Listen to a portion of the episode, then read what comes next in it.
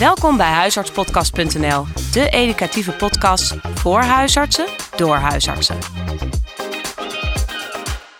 Welkom bij deze nieuwe podcast. We gaan het vandaag hebben over brandwonden. Dit is naar aanleiding van een casus die ik zelf uh, heb meegemaakt, waar ik bij werd gevraagd, even tussen bedrijven door, bij een brandwond die net dicht was. Dat heeft, had zo'n vier weken geduurd. Het was een fikse brandwond op een onderarm.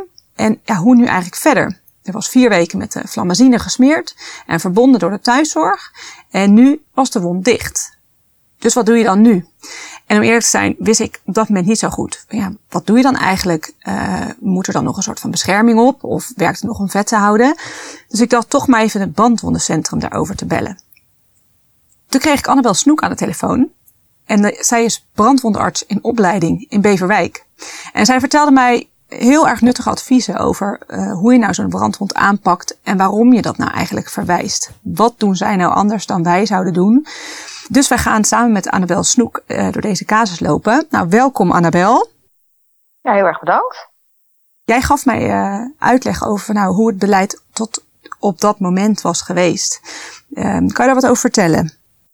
Ja, over het algemeen ehm, worden wij vrij vaak gebeld door huisartsen als iemand voor de eerste keer bij ze is. En dat is dan vaak als de brandwond eigenlijk net ontstaan is.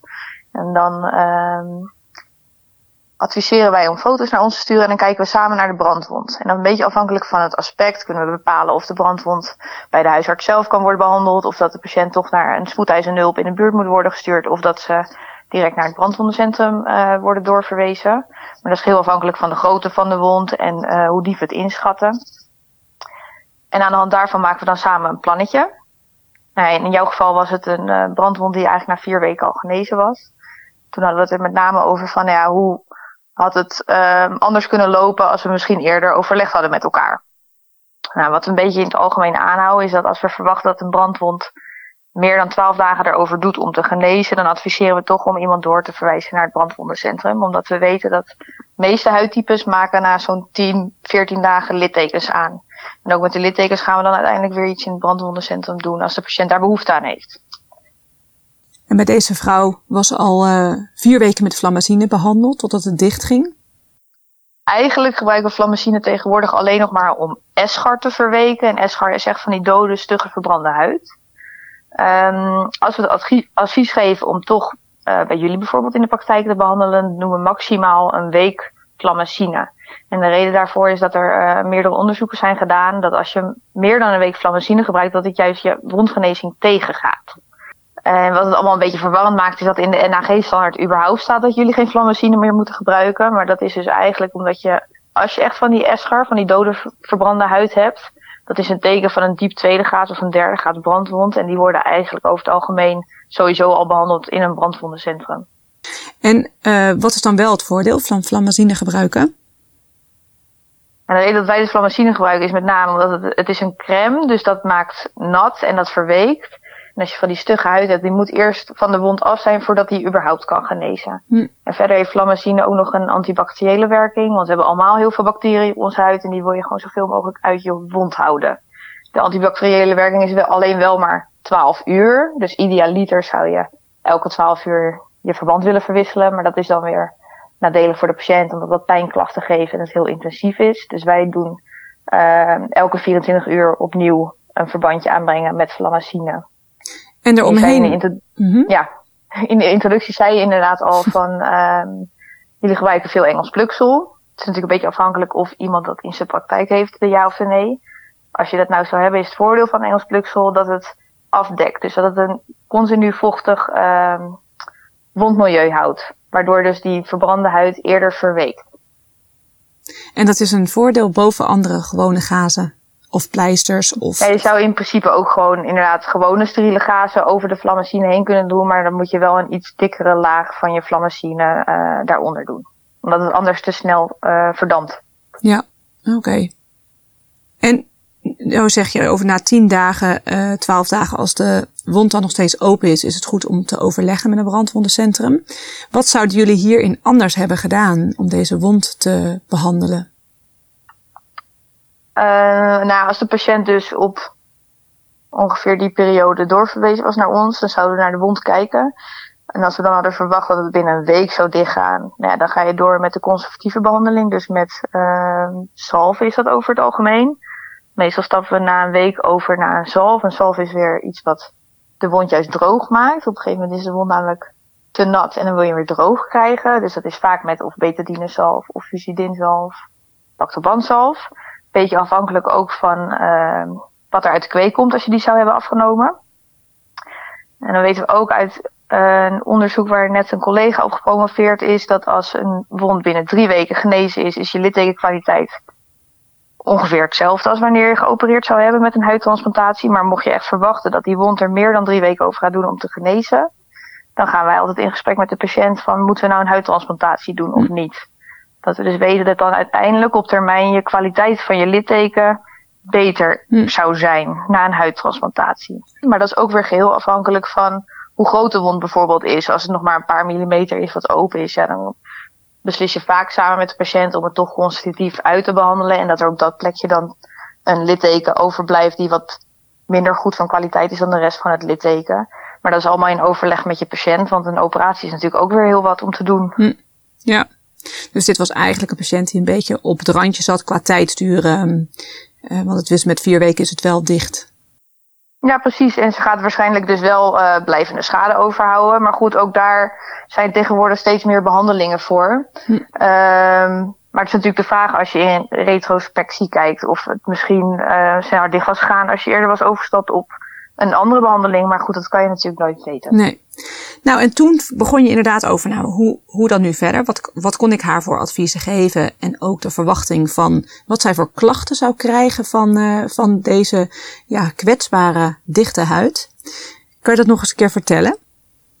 Ja, wat we altijd adviseren als een brandwond net genezen is, om het te behandelen met een reguliere bodylotion. Uh, iets wat goed en lekker hydrateert. Sowieso drie keer per dag smeren, smeren, smeren. Wat we weten is dat die uh, net genezen huid is heel gevoelig en kwetsbaar inderdaad, wat je al zei. Um, die jeukt ook vaak. Dat komt omdat het toch net wat droger is dan de rest van de huid. Dus goed hydrateren. En ook door juist elke keer aan te raken en in te smeren, raak je weer gewend aan aanrakingen. Want jouw zenuwtjes in de huid zijn daar gewoon helemaal van slag. En die moeten eigenlijk alles weer opnieuw leren. Dus door het continu in te smeren, aan te raken, weten jouw hersenen op een gegeven moment weer, oh, dit is een normale aanraking. Hmm. En zodra het dicht is, doe je er dus ook geen verband meer omheen. Want het moet juist weer wennen aan normale kleren die tegen de net geneeshuid aankomen. Wat we dan wel vaak horen is dat er uh, zogeheten instabiele huid ontstaat. Dat houdt in dat er kleine blaadjes of wondjes in die net geneeshuid kunnen komen door al lichte wrijving of door een keer te stoten. Daar wordt het uiteindelijk juist sterker van. Maar goed, daar schrikken de meeste patiënten wel van, want die denken dat hun brandwond weer helemaal open is. Ja wat is goed om uit te leggen dat het komt omdat de huid gewoon nog, nou ik zeg altijd, het is eigenlijk net genezen babyhuidje, zo moet je het zien. Dus je doet er toch net wat voorzichtiger mee. Maar het moet juist sterker worden door alles weer te doen wat je voor de, dat de brandwond ontstaan is, ook deed. Wat verder ook heel belangrijk is, is goede zonbescherming. Kijk, nu met het weer hier maakt het niet heel veel uit, want er is niet veel zon. Maar stel er iemand gaat op vakantie, dan moet ze wel echt goed insmeren met minimaal factor 30 een half uur voordat je naar buiten gaat. En op het heetst van de dag moeten ze wel echt eventjes helemaal uit de zon.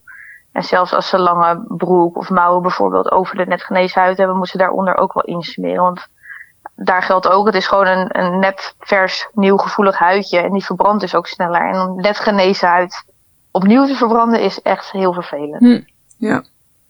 En je zegt um, die body lotion, hè, enkele malen per dag. En, um, en dat het ook goed smeert. En dat het gevoel dat, dat, dat je daar dan ook weer beter aan wendt.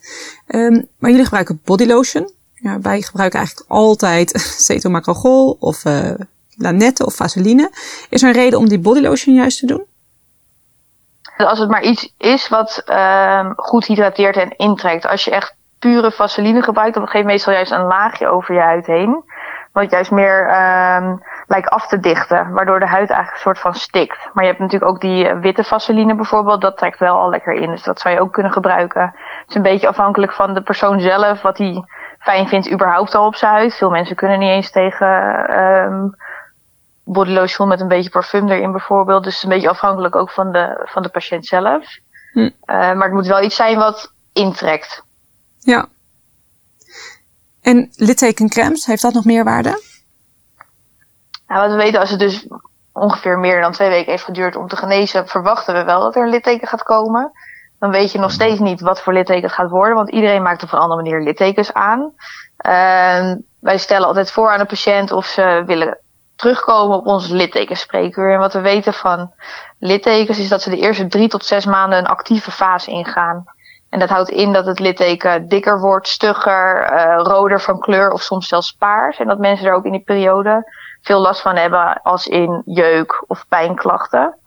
En om die eerste drie tot zes maanden te versnellen, hebben we verschillende soorten behandelingen. En daar, eentje daarvan is inderdaad littekencrème. Daar zitten siliconen in.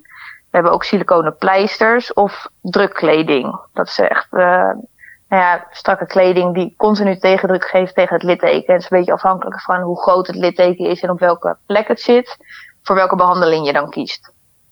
En als je echt hele erge littekens hebt met uh, contracturen erin bijvoorbeeld, waardoor je beperkt bent in je beweging, dan vragen we vaak de plastisch chirurg bij ons erbij om te kijken of zij misschien toch al iets van een correctie moeten doen. Maar vaak wachten we tot iemand echt eerst die actieve fase door is geweest. Dan wordt alles weer minder erg, zoals de stugheid, de roodheid en de dikte van het litteken. En na anderhalf tot twee jaar nadat de wond is dichtgegaan, kan je eigenlijk pas zeggen: oké, dit is wat iemand daaraan overhoudt. Hm. En dan heb je ook weer verschillende behandelopties, zoals bijvoorbeeld lasertherapie voor als je uh, het kleurverschil nog heel erg ziet. Of uh, lasertherapie voor de dikte van het litteken. Of je hebt tegenwoordig ook vetimplantatie bijvoorbeeld. Dan zijn er ook weer heel veel opties wat je nog aan een litteken zou kunnen doen.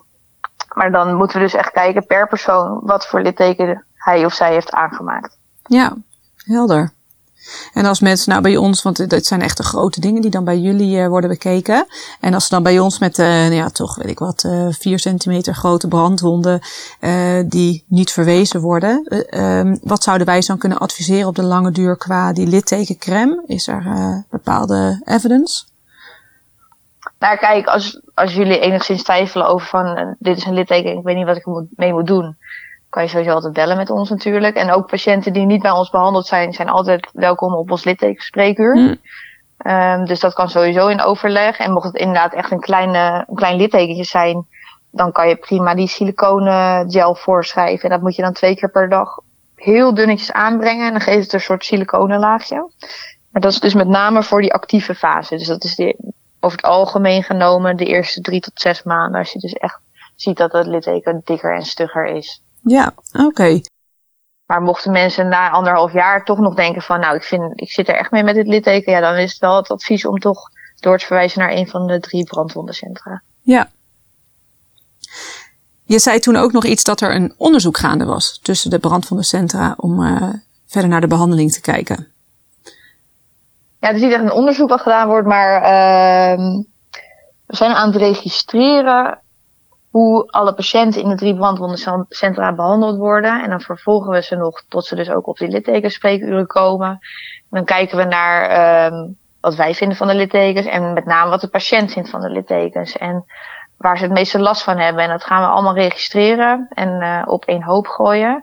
En zo hopen we te, achter te komen wat nou de meest optimale behandeloptie is voor welk soort brandwonden. Want je hebt natuurlijk ook allemaal verschillende soorten brandwonden met verschillende oorzaken.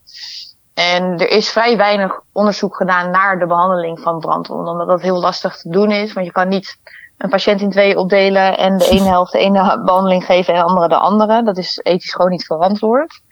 Dus we doen meestal wat we uit ervaring geleerd hebben.